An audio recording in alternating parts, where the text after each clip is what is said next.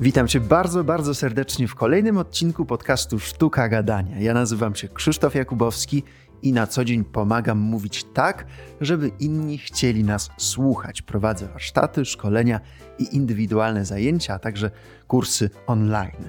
A w tym odcinku porozmawiamy o tym, jak mówić płynniej.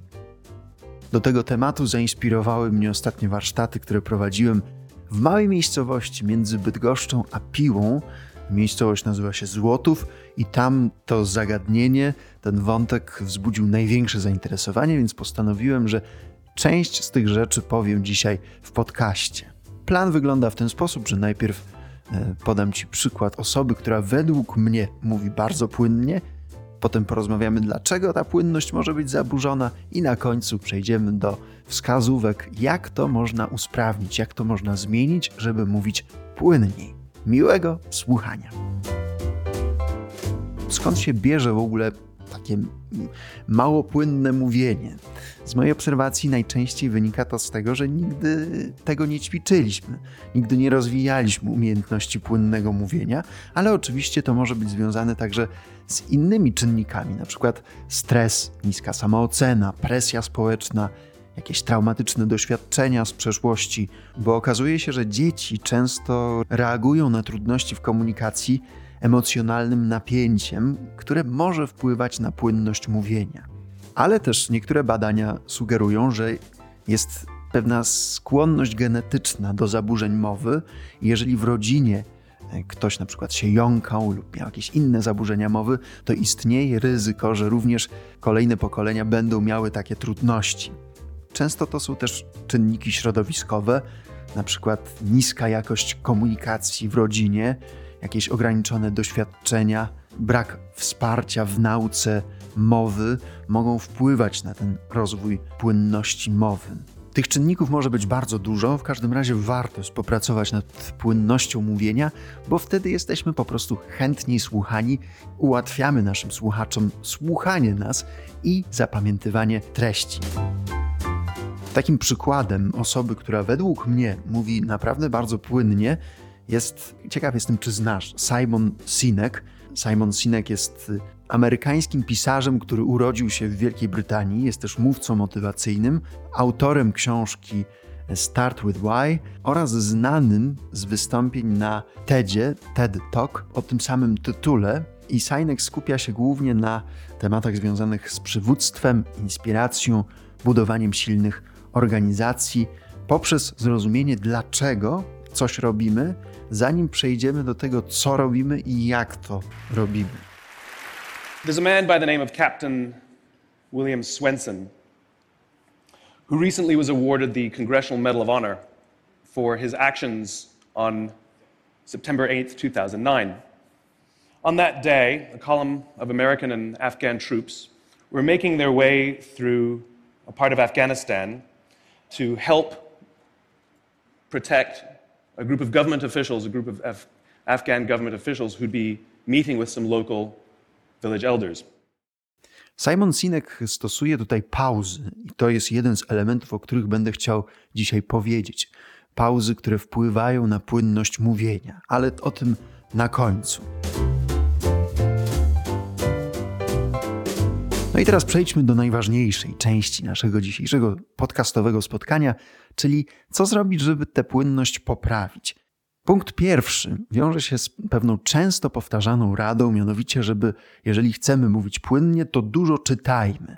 No bo czytanie poszerza słownictwo, a im większe słownictwo, tym płynniej i precyzyjniej możemy wyrażać myśl. Ja się nie do końca zgadzam z tą z taką radą, z takim twierdzeniem, ponieważ pamiętam jeszcze z czasów radiowych, kiedy w programie drugim no, dużo nagrywałem profesorów, naukowców, którzy na pewno byli oczytanymi osobami, mieli ogromną wiedzę, a z tą płynnością mówienia i z tym takim ciekawym sposobem mówienia bywało bardzo różnie. Czasami naprawdę potem w montażu musiałem się namęczyć, żeby no, miało to ręce i nogi. Dlatego też Uważam, że samo czytanie nie wystarczy do tego, żeby mówić płynnie. I dlatego moja pierwsza wskazówka to czytać regularnie, ale na głos, ponieważ to jest świetna okazja do tego, żeby kontrolować tempo ton głosu, akcenty i oswoić się z mówieniem. I też zauważyłem, że osoby, które czytają na głos regularnie, znacznie lepiej posługują się swoim aparatem mowy.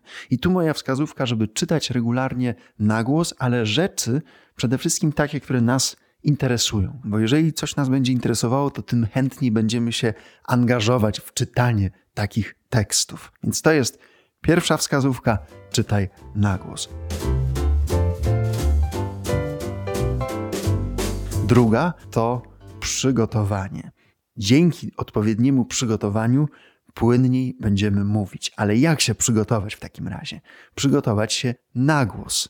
Przygotowywanie swojej wypowiedzi, wystąpienia na kartce albo w głowie nie wystarczy, ponieważ powinniśmy oswoić swój głos, swój aparat mowy, swój, swoje ciało z tym, że będziemy mówić daną treść na głos. Dlatego uważam, że również powinniśmy ćwiczyć na głos, zwłaszcza te elementy, te fragmenty, na których nam najbardziej zależy, żeby one wybrzmiały, żeby powiedzieć je w sposób precyzyjny i taki, który będziemy chętniej słuchani. Więc jeżeli chodzi o przygotowanie, to jest pierwsza rzecz. Ćwiczmy na głos. Druga rzecz to yy, przygotowujmy sobie najważniejsze punkty swojej wypowiedzi, wystąpienia, zwłaszcza takiej, na której nam bardzo zależy, po to, żeby nie zgubić się potem. Ta płynność jest zaburzona często dlatego, że nie wiemy, co dalej mamy powiedzieć. A kiedy spiszemy sobie te punkty, to też tworzymy pewien plan wypowiedzi, a wtedy też płynność będzie znacznie lepsza. No i jeszcze jedna rzecz a propos przygotowania.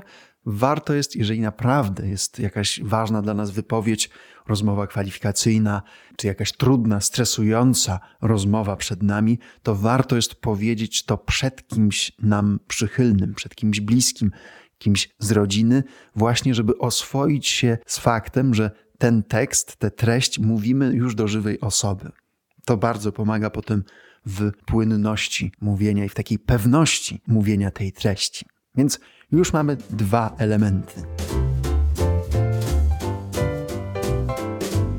No i trzecia wskazówka, o której już trochę powiedziałem a propos Simona Sinka, to pauzy. My się często obawiamy używania pauz właśnie dlatego, że wydaje nam się, że ta płynność zostaje zaburzona. Okazuje się, że jest wręcz odwrotnie, ponieważ pauzy mogą nadać dynamikę i płynność wypowiedzi, a to z kolei pomaga utrzymać uwagę słuchaczy. Mało tego, poprzez pauzy możemy podkreślać ważne informacje. Kiedy zrobisz krótką przerwę po przedstawieniu jakiegoś istotnego faktu albo pomysłu, słuchacze będą bardziej skłonni skoncentrować się na tym, co zostało powiedziane. Jeśli nie stosujemy pauz, to słuchacze mogą się czuć przytłoczeni informacjami, które im przekazujemy. Natomiast te pauzy pozwalają im przyswoić i zrozumieć tę treść, którą im podajemy. No i też poprzez pauzy możemy działać na emocjach, ponieważ pauza na przykład przed ważnym komunikatem może zwiększyć napięcie i zainteresowanie. Oczywiście należy pamiętać o tym, żeby nie przesadzać z pauzami, żeby nie były zbyt długie albo zbyt często stosowane. Tutaj kojarzy mi się taka, taki rodzaj, sposób mówienia e, z księżmi albo z biskupami, którzy chcą, żeby każde słowo było takie ważne, dobitne, istotne i to też może być męczące. Dlatego uważajmy na pauzy, ale warto je stosować, ponieważ mogą poprawić płynność naszej wypowiedzi, a co za tym idzie, zainteresowanie naszych słuchaczy.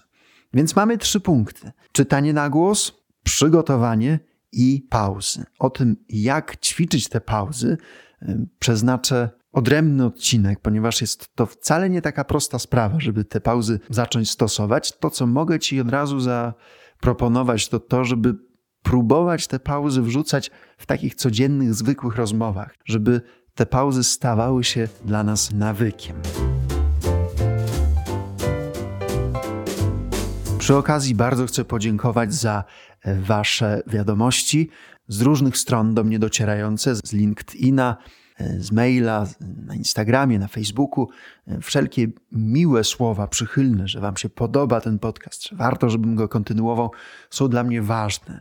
Bo jeżeli, drogi słuchaczu, słuchaczko, kiedykolwiek coś tworzyłaś, tworzyłeś w internecie, to wiesz, że z tą motywacją bywa różnie i czasami naprawdę jest trudno zmobilizować się do tego, żeby stworzyć kolejny odcinek na przykład podcastu. Zachęcam Cię do odwiedzenia strony sztukagadania.pl, bo tam jest więcej wskazówek tego typu. Tam również dowiesz się o szkoleniach, warsztatach, które prowadzę, kursach online i indywidualnych konsultacjach, które nadal prowadzę, chociaż czasu jest coraz mniej. Ja się nazywam Krzysztof Jakubowski. Bardzo Ci dziękuję za to dzisiejsze spotkanie, no i życzę Ci, żeby Twoja mowa była jeszcze bardziej płynna. Pozdrawiam Cię serdecznie i do usłyszenia.